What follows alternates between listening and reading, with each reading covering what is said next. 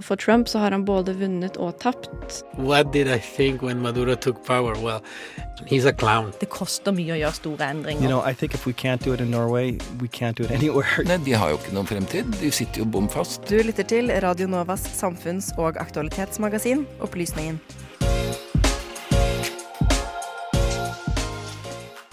Hvordan kan man forbedre sin egen elendige hukommelse? Frode Berg sitter i Russland, og Sonja Wigert er på kino. Hva har de til felles? Begge er del av norsk etterretningshistorie. Store norske leksikon er så fullt av nyttig informasjon at det er vanskelig å vite hvor man skal starte. Vi serverer deg fakta du sikkert ikke visste du ville vite om. Nyheter pleier å fokusere på interessante hendelser, og de er ikke alltid positive. Så hvordan skal vi få med oss når ting faktisk går bra i verden? Vi tar en tur innom humanprogress.org og hører om tre personer som har gjort det mulig for milliarder av mennesker å spise seg mette.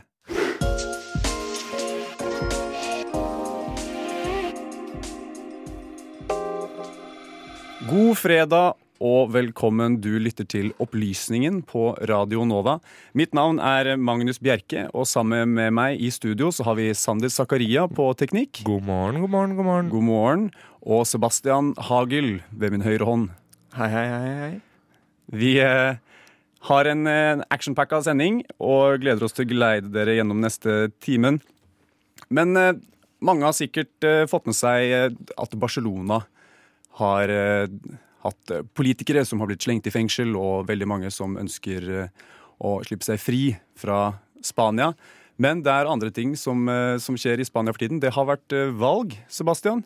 Mm. Og Kan ikke du fortelle oss litt om hvordan det har gått for seg Jo. nå nylig? Um, dette er jo det fjerde valget på fire år i Spania. Det er jo sprøtt å si det, men det er sant. Det er andre, året, nei, andre valget bare i år. De hadde valg tidligere i år. Så har da um, det ledende, det ledende partiet, altså Arbeiderpartiet i Spania, PSOE, som det fint heter, um, prøvd å lage regjering nå i fem måneder. uh, og det har ikke gått, så da sier de da må vi ha nytt valg. Og valgresultatet nå tilsier at det kommer ikke til å bli enklere. Altså. Så hvordan ser det ut uh, nå? Er det noen potensielle koalisjoner? Altså, de potensielle koalisjonene uh, har jo blitt på en måte skrudd fra forrige valg grunnet til at vi har fått et dobbelt så stort ytre høyreparti i det som heter Vox, som er et slags antieuropeisk, anti-islamistisk parti. Um, à la Front National i Frankrike, eksempel. Men de koalisjonene vi, ser, vi kan se for oss da, for PSOE, er jo helt sånn astronomisk store med sykt mange partier involvert. Vi har PSOE, og så har du et slags SV-parti, hvis vi skal se det etter norsk perspektiv, som heter Unidas Podemos.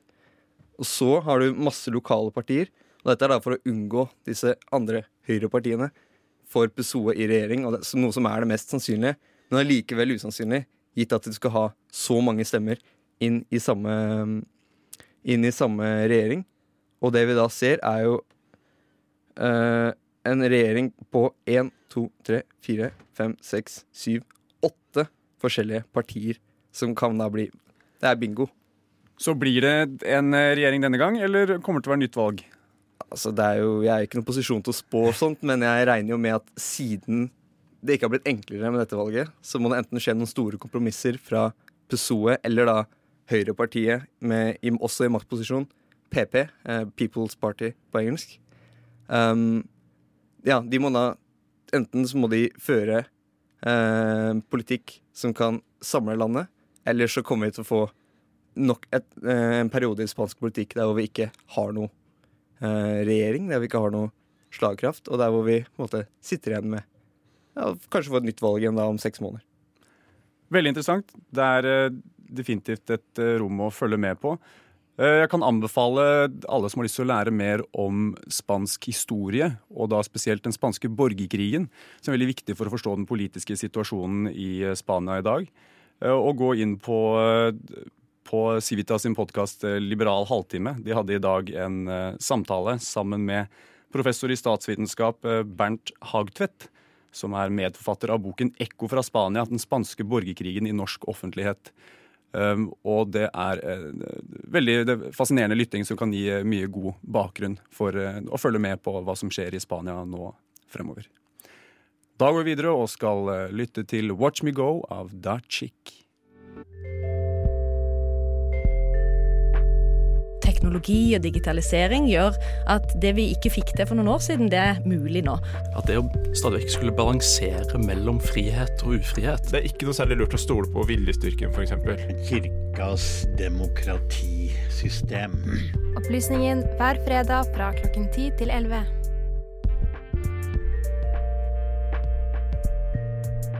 Hukommelsen vår er egentlig helt elendig. Vi glemmer masse hele tiden og veldig fort. Så hvordan kan vi forbedre hukommelsen vår? Det har Nora Ness Holm tatt tak i, og vi har satt dette innslaget helt øverst i sendingen, så du kan huske alt annet som kommer etterpå. Dette er ukas opplysning.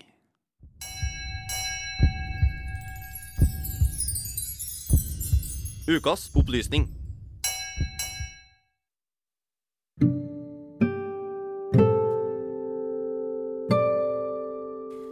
Nå skal jeg lære dere hvordan man kan huske bedre. Og så vil jeg bare si at den sørsudanske basketballspilleren Manut Bol, som døde i 2010, var 2 meter og 31 cm høy. For det tror jeg ikke dere klarer å huske. Ikke med mindre jeg sier det enda en gang, og så kanskje enda, enda en gang. For det er nemlig sånn at hjernen prosesserer alt som skjer, hele tida. Samtidig som den glemmer alt som skjer, hele tida. Eller i hvert fall nesten. For hjernen den driver og kaster ut det den anser som uviktig informasjon. Ting du hører på bussen, hva personen foran deg i køen på Narvesen hadde på seg, eller samtaler du hadde med kollegaene dine. Mye av dette bare fyker rett gjennom. For fersk informasjon er skjør informasjon. Realiteten er at vi glemmer mye. Vi glemmer nesten alt, vi. Forskning viser at kun en time etter at vi har lært noe, så har vi allerede glemt 50% av det. Etter 24 timer har vi glemt 70% og ei uke etter er det nesten ingenting av det igjen, for da har vi glemt hele 90% Hjernen tar vare på det den anser som viktig, og det den anser som viktig, er det som blir repetert. Det er som om hjernen sier 'Å jøss, neimen der er den igjen'. Den må vi ta vare på. Repetisjon er altså nøkkelen. Det er i hvert fall hovednøkkelen. Og denne er det bare å utnytte seg av. Seint i det 19. århundre fant Herman Ebbinghaus, en tysk psykolog, ut av det her. Han var den første som gjorde systematisk analyse av hukommelsen, og står for den flotte og kanskje litt urovekkende glemselskurven. Glemselskurven er basert på at folk blei fortalt helt meningsløse setninger, og hvor godt de klarte å huske de. Den som hadde deltatt i undersøkelsen, blei spurt om å gjenfortelle setningene med økende mellomrom ettersom tida gikk. Kurven starta altså på 100% akkurat idet testobjektene blei fortalt setningene. Men så stuper den brått ettersom timene går. De første timene blir det meste glemt, og etter en måned husker de nesten ingenting, og grafen flater seg ut i de aller laveste prosentene. Men det Ebbinghaus også gjorde, var å sjekke åssen resultatet blei hvis setningene ble repetert utover flere uker. Og det er der man kan se hvor godt denne repetisjonen funker for hukommelsen. Etter hver repetisjon huska testobjektene mer og mer og mer, og grafen den slutta å stupe. Etter hvert flata den seg nesten ut, men nå gjorde den det i toppen av skalaen. Så det er altså det beste, å repetere. Kjøre en liten Ebbinghaus eller en spaced repetition for å kunne huske bedre. La oss si du noterer noe under en forelesning for hånd. Så går det noen dager før du leser det igjen og skriver inn på PC-en. Noen uker etter det leser du over teksten din enda en gang, og så, en stund etter det igjen, forteller du en kompis om det du har lært. Vips, så har du repetert forelesninga di fire ganger, og da skal den sitte ganske godt. En annen metode man kan bruke, er 50-50-regelen. Den går ut på at du bruker like mye tid på å konsumere informasjon som du bruker på å dele den videre. Altså, les og lær, og fortell alt sammen til mamma etterpå. Demonstrasjoner er også en veldig effektiv måte å huske ting på. Ved å se noe på en praktisk måte er det mye lettere å huske det, for da har du et visuelt minne av det, en referanse å ta det tilbake til. Og så, siste punkt, er søvn. Å sove etter at man har lært noe, hjelper hjernen med å lagre det. En liten blund midt på dagen er altså sunt for hukommelsen, og en god natts søvn er selvfølgelig helt elementært. Så repeter, del og sov. Det er nøklene. Du rakk neppe å gjøre noe av det i løpet av innslaget, så jeg er imponert hvis du husker det jeg sa innledningsvis her. Så nå skal jeg si det en gang til for å øke sjansene dine med å huske det, for jeg syns det er en kul ting å vite. Den sørsudanske basketballspilleren Manut Bol, som døde i 2010, var 2 meter og 31 cm høy. Sånn, det var hyggelig. Og så vil jeg ønske alle sammen lykke til med huskinga deres framover.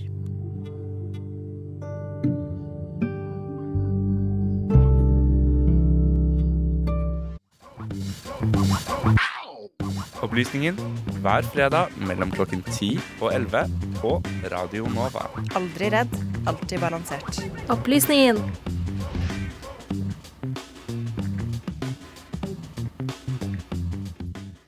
Frode Berg later nå til å kunne unnslippe den russiske stats behandling av utenlandske spioner etter at Nato-landet Litauens parlament gikk frem med den intensjon å bytte to av sine russiske fanger med to litauiske fanger i Russland, og forhandler om å få med Frode Berg på kjøpet. Frode Berg er altså den mest omtalte norske spionen, i den grad man kan kalle han det, i den siste tiden. Men er det slik at norsk etterretning består kun av pensjonerte grensevakter? Jeg, Sebastian Hagel, tok en titt på dette.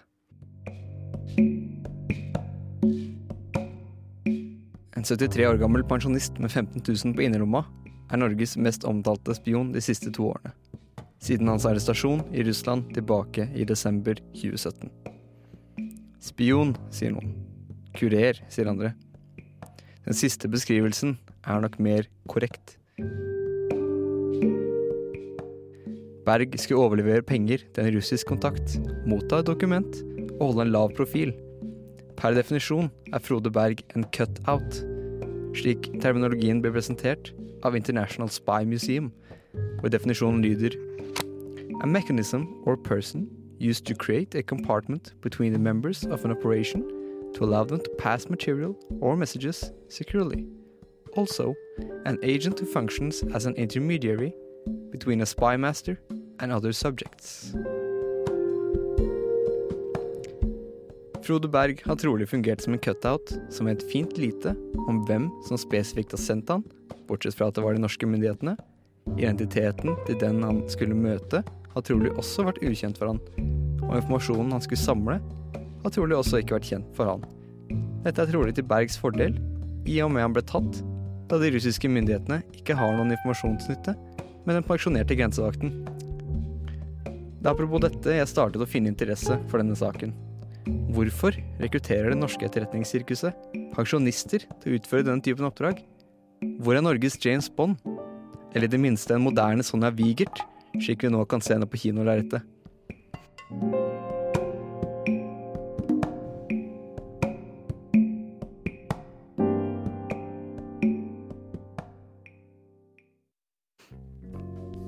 Det er nemlig med ganske god sikkerhet vi kan si at det finnes operative norske agenter ute i verden. Forsvaret opplyser om E-tjenesten på sine nettsider ved å si at den jobber på tre punkter. Nummer én er å understøtte norske myndigheter med informasjon og vurderinger om utenriks-, sikkerhets- og forsvarspolitiske forhold. Nummer to er å fremskaffe informasjon og varsle om forhold som kan true Norge og norske interesser. Og nummer tre er å støtte Forsvarets operasjoner hjemme og ute. De opplyser også tydelig at nordområdene fortsatt står i en særstilling for tjenesten. Derav Frode Berg i Russland. Vi vet egentlig naturlig nok fint lite om hvordan Etterretningstjenesten opererer og er organisert anno 2019. Det vi har fått vite, er at Norge i 1948, traumatisert av krigstidens okkupasjon, skulle være forberedt på om det skulle skje igjen. Initiativet Norsk okkupasjonsberedskap i etterkrigstiden, omtalt som Stay Behind, og med kodenavn ROC, ble innført for å sikre at det i tilfelle Norge skulle okkuperes i etterkrigsåra, skulle en rekke agenter stå klare for å utøve sabotasje, evakuere nøkkelpersoner og bedrive etterretning. Et slikt nettverk skal også ha blitt lagd utover i Europa for øvrig, av Nato i perioden 1949-1950, da som en forhåndsregel. Skulle det skje øvrige sovjetiske okkupasjoner av Nato-områder. I Europa ble dette Stay Behind-nettverket holdt hemmelig, også i Norge, det vil si helt frem til 1978.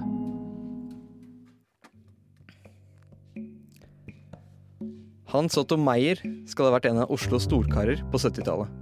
Han var rederskjønn var god for penger og kreditt i banken.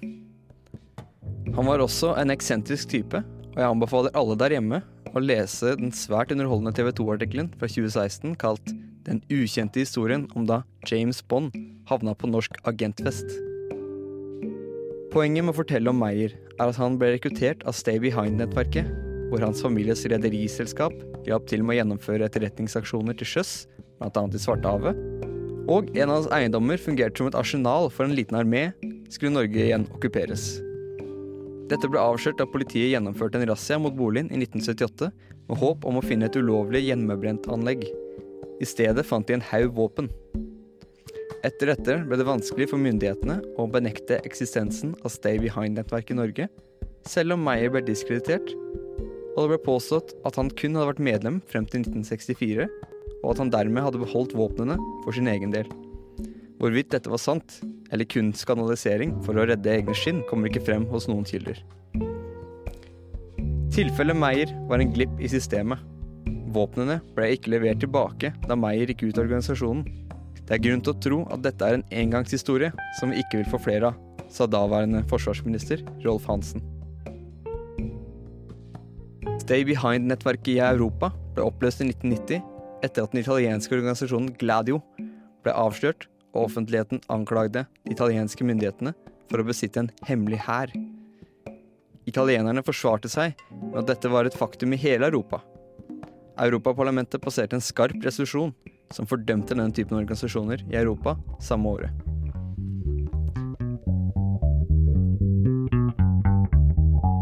Et mer moderne eksempel er Seksjon for spesiell innhenting, eller E14. Det er her vi ser konturene av spioner, slik vi kjenner dem fra fiksjonen. I 1995 ble E14 etablert separat fra Etterretningstjenestens kontorer, og er på mange vis en videreføring av Stay Behind-nettverket, da dette nettverket i Norge lenge var omtalt som E14.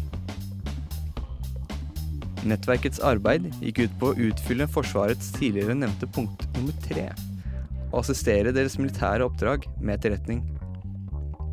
Organisasjonen sendte gjerne agenter i par ned til land hvor norske styrker kunne se for seg at de måtte bedrive operativ virksomhet, og sonderte området i sivil.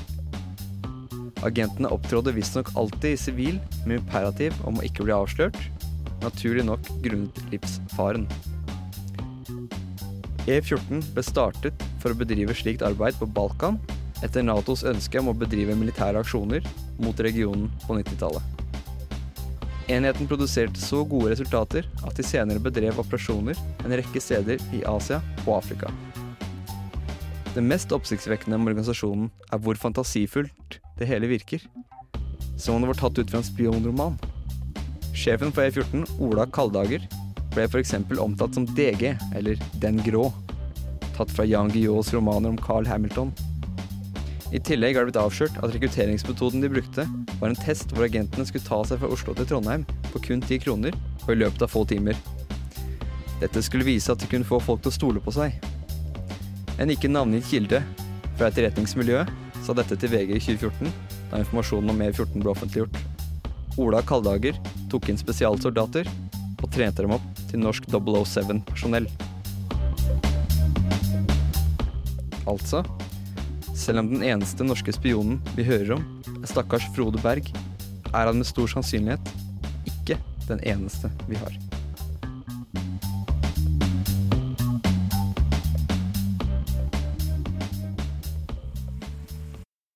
Du hører på Opplysningen Hver fredag mellom klokken 10 og 11 på Radio Nova. Radio Nova. Velkommen tilbake, dette er Opplysningen. Jeg har sittet de siste par dagene og sett veldig mye på YouTube, da spesifikt på TED, TED Talk-videoer av eh, professor Hans Rosling. Han er en svensk professor eh, som er veldig kjent for, eh, for da spesielt sine TED Talks, hvor han snakker om statistikk og hvordan det egentlig står til eh, med verden. Og da startet han sin mest kjente TED Talk med å gi en liten eh, quiz og sjekke hva folk i salen tenkte. Så jeg tenkte å bare gjøre det her i studio, og så invitere dere som sitter hjemme, til å tenke på hva dere tror er de riktige svarene. Er dere klare, Sander og Sebastian? Jepp, alltid klar. Ok. Hvordan har mengden dødsfall fra naturkatastrofer forandret seg det siste århundret? Er det mer enn doblet, cirka det samme, eller mer enn halvert? Mer enn halvert. Cirka det samme. sikkert. All right, vi går videre, og så får vi fasit etterpå. Hvor mange år har den gjennomsnittlige 30 år gamle kvinnen tilbrakt på skolen i dag? Og da kan jeg si at menn, for menn så er det åtte år. Så for eh, kvinner er det syv, fem eller tre år. Sikkert fem. Sikkert sju. De siste 20 årene har mennesker som lever i ekstrem fattigdom, nesten doblet, cirka samme, eller nesten halvert. Nesten halvert. Ja, det tror jeg er riktig, faktisk. Da kan jeg si med en gang, eh, det, folkens, jeg vet ikke hva folk som lytta eh, tenkte. Dere var kjappe med å svare, og dere er veldig mye, veldig mye svarere enn de fleste svensker i hvert fall. Fordi eh, her har vi en eh, fasit basert på Hans Rosling sin egen eh, research med hva de fleste folk i Sverige svarer. Og på spørsmålet om antall dødsfall som skyldes av naturkatastrofer siste århundre, så 50% av svensker som sier at det har mer enn doblet. Men det riktige svaret er at det har mer enn halvert. Det har faktisk gått fra ca. 500 000 til under 100 000 hvert år. Og det var det kun 12% av svensker som, som svarte på. Neste spørsmål om gjennomsnittlig mengde år en 30 år gammel kvinne har tilbrakt på skolen. Det var også helt riktig som du sa, Sander. Syv år. Så det er bare ett år mindre enn menn. Det var det kun 9% av svensker som eh, visste. Og 45% av svensker trodde det var det minste, altså tre år. Og siste spørsmålet. De siste 20 årene har mennesker som lever i ekstrem fattigdom Og da spørsmålet var om nesten doblet, ca. samme eller nesten halvert. Det har nesten halvert. Det gjetta dere. Veldig veldig bra. Men det var kun 5 av uh, USAs befolkning da, som gjetta at det var riktig. Og han har også gjort et uoffisiell forskning på hva folk i media tror om dette her. Og har kommet ganske sjokkerende tall. At uh, folk i, i media, ifølge de, de han har spurt, uh, har faktisk vært eh, enda verre på å, å svare på disse tingene. Så han tenker det at vi ikke vet hva som skjer i verden, skyldes ikke nødvendigvis at man ikke leser nyhetene nødvendigvis, men bare at eh, selv de som skriver nyhetene, vet ikke dette her. Og det er jo ganske sjokkerende at vi ikke kan sånne ting. Sånn, Hans Rosling har skrevet en bok som heter Factfulness, hvor han prøver å deale med dette. her. Han vil at folk skal kjenne til, kjenne til fakta, ting som har skjedd over litt sånn eh, lengre tid, for å hjelpe til med at man må vite hvordan ting står til i verden i dag, for å kunne vite hva som har funket, for at vi skal kunne jobbe så godt vi kan for å gjøre ting eh, enda bedre. Da. Og det er på en måte temaet for eh, neste innslag vi skal høre på, også vi skal snakke om nå, er eh, hva er det som har gått bedre i verden. For jeg vet ikke når sist gang dere åpna avisen og så for det meste positive nyheter. Det skjer ikke veldig ofte. Nei. Ja, aldri. Men om man skulle være litt sulten på det, så kan jeg anbefale en nettside som heter eh, humanprogress.org. Og der det er sted hvor de har sine egne journalister som skriver saker, men de samler også da positive saker fra um, andre steder, om det er BBC eller eh, CNN. Så på forsiden der i dag så kan jeg bare lese et par overskrifter. Eksempel eh, Scientists create artificial leaf that converts CO2 to fuel. Det, hvis det er sant, så er jo det ganske kult. Eh, snakker også her om at eh, luftskip kan bli en eh, stor ny eh, greie, for også å spare mer på, på drivstoff. Og at next generation protein could come from air via methane.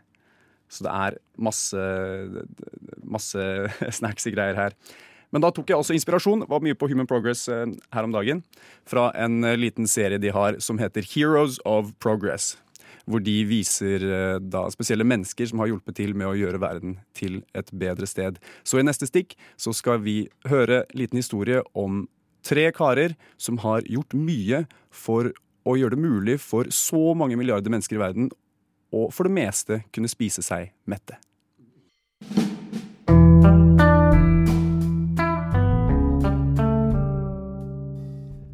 Sult og død. To ting som har vært nære bekjente for de absolutt fleste mennesker som har levd gjennom hele verdenshistorien. For over 200 år siden skrev demografen Malthus om de katastrofale farene for overforbruk av ressurser som ville følge av populasjonsvekst. I år 1900 hadde verden en befolkning på ca. 1,6 milliarder. I dag har den vokst til om lag 7,3 milliarder.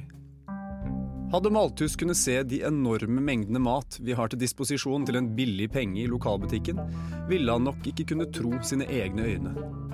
Og det er ikke kun de rikeste i verden som har fått det bedre. Ifølge tall fra Verdensbanken har selv de fattigste landene i Afrika i dag mer eller mindre tilgang på 2000 kalorier per dag utenfor krigssoner.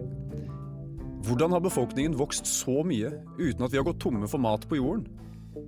Det er nok mange faktorer som har spilt en viktig rolle i den historien. Men tre sentrale karakterer er Fritz Haber, Carl Bosch og nordmann Borlaug.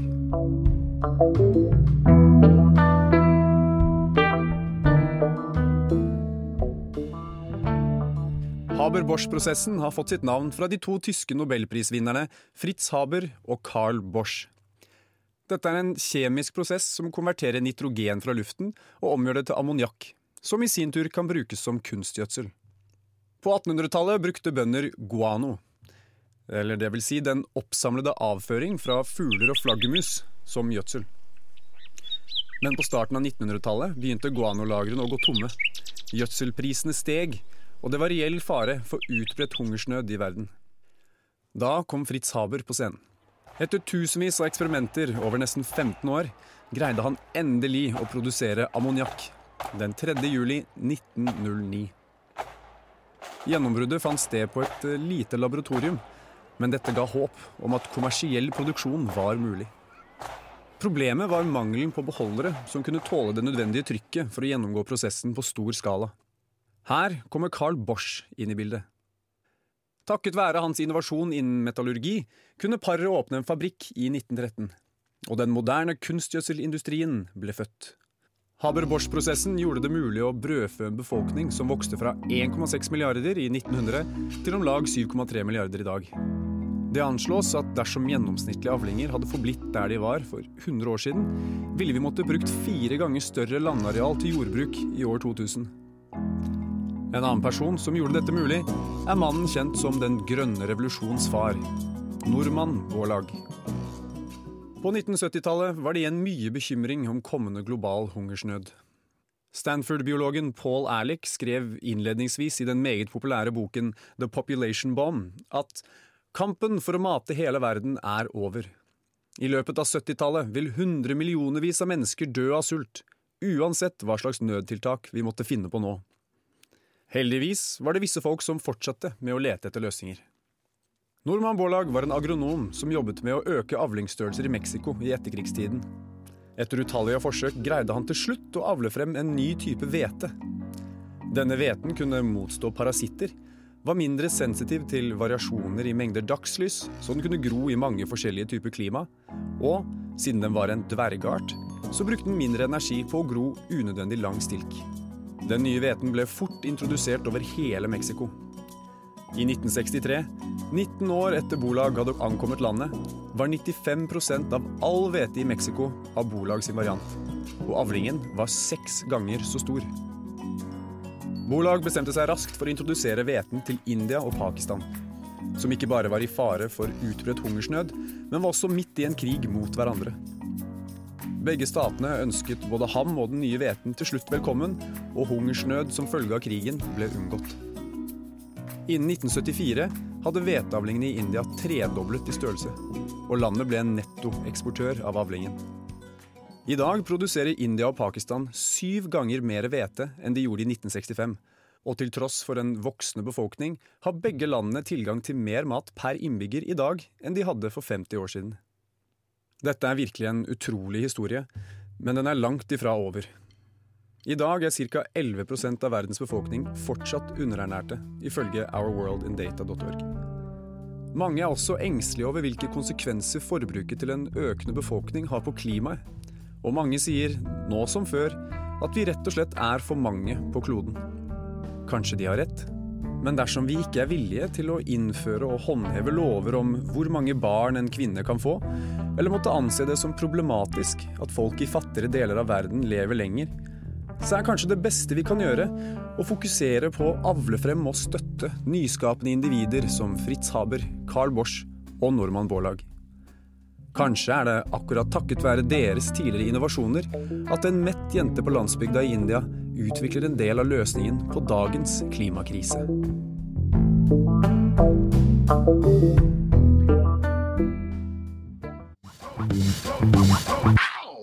Opplysningen hver fredag mellom klokken 10 og 11 på Radio Nova. Aldri redd, alltid balansert. Opplysningen.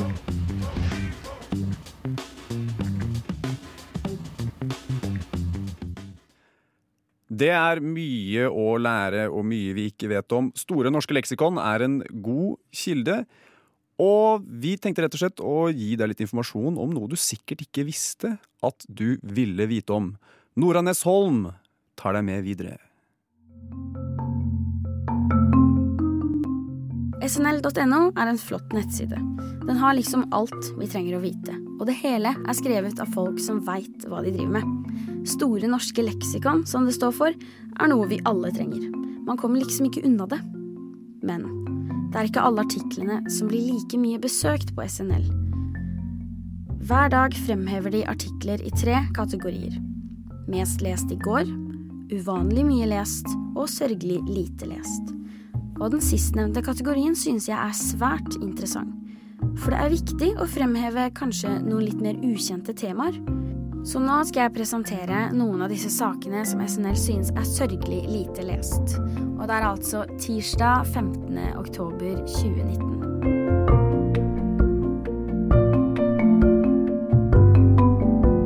Det første vi skal høre om, er den italienske maleren Sofonispa Agisola, født i 1532. Angisola kom fra en familie hvor malerkunsten var veldig viktig, og fire av hennes fem søstre malte også. Faren hennes sendte til og med verkene hennes til Michelangelo og en rekke andre kjente kunstnere for å korrespondere om utviklingen hennes som maler. Pga. at Angisola kom fra en adelig familie, var det ikke mulighet for henne å leve av å være maler og selge bildene hennes på den normale måten. Det var nemlig et mannsyrke. Hun oppholdt seg en periode ved Gonzaga-hoffet i Mantova, hvor hun fikk vise frem sine maleevner. En posisjon som malende hoffdame var nemlig sosialt akseptabelt. Og da Philip 2. av Spania giftet seg med Isabel de Valois, ble Angisola formelt tilkalt til Spania som dronningens nye hoffdame. Her fikk hun virkelig vise frem kunsten sin, og malte hoffportretter så det holdt. Hun lærte til og med dronningen selv å male. Etter hennes bortgang ble til og med mange av verkene hennes verdsatt av anerkjente menn på datiden, noe som var høyst uvanlig. Så heia Sofonispa Angisola. Nå skal vi over til noe helt annet, men dette har noe til felles med kjære Angisola. Det er nemlig en sørgelig lite lest artikkel på snl.no. Og det er nettopp derfor jeg forteller om den, for det er verdt å vite. Og det handler om mekanisk forvitring.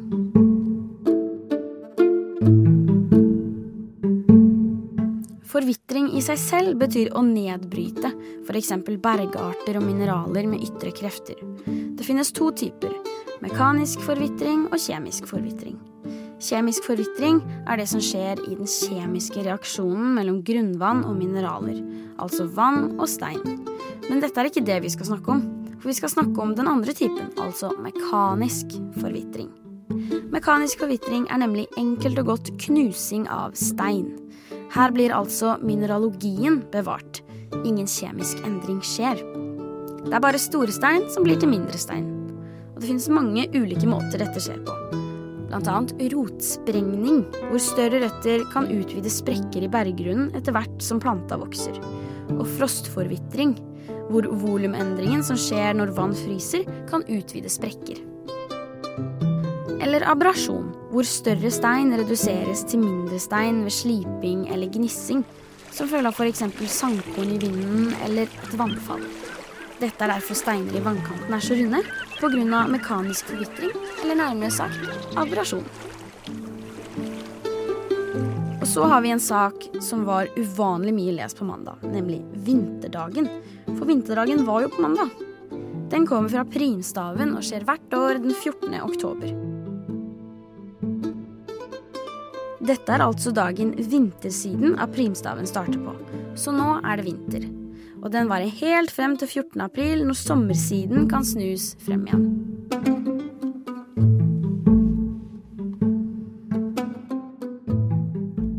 As much as it's been 20 years since apartheid, like blacks have been freed, not much is like has changed. Så her er det jo helt klart at regjeringen ikke leverer faktisk på at Norge skal bli det beste landet i verden for skeive.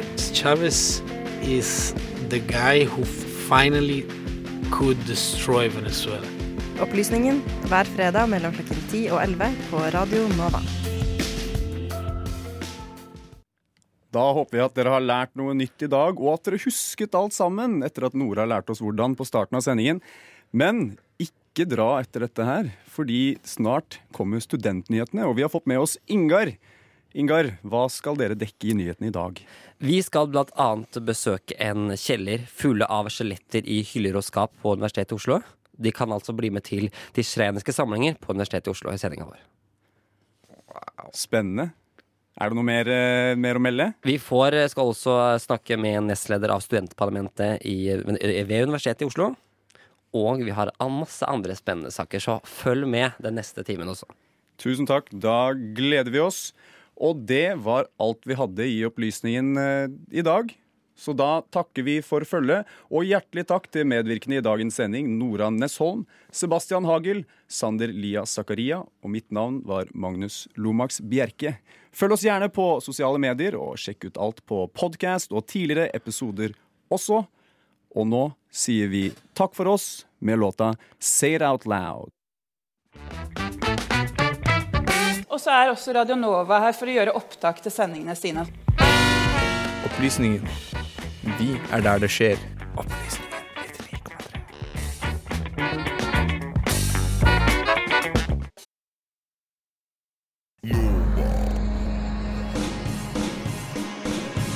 Du har hørt en podkast fra Radio Nova. Likte du det du hørte? Du finner flere podkaster i iTunes og på våre hjemmesider radionova.no.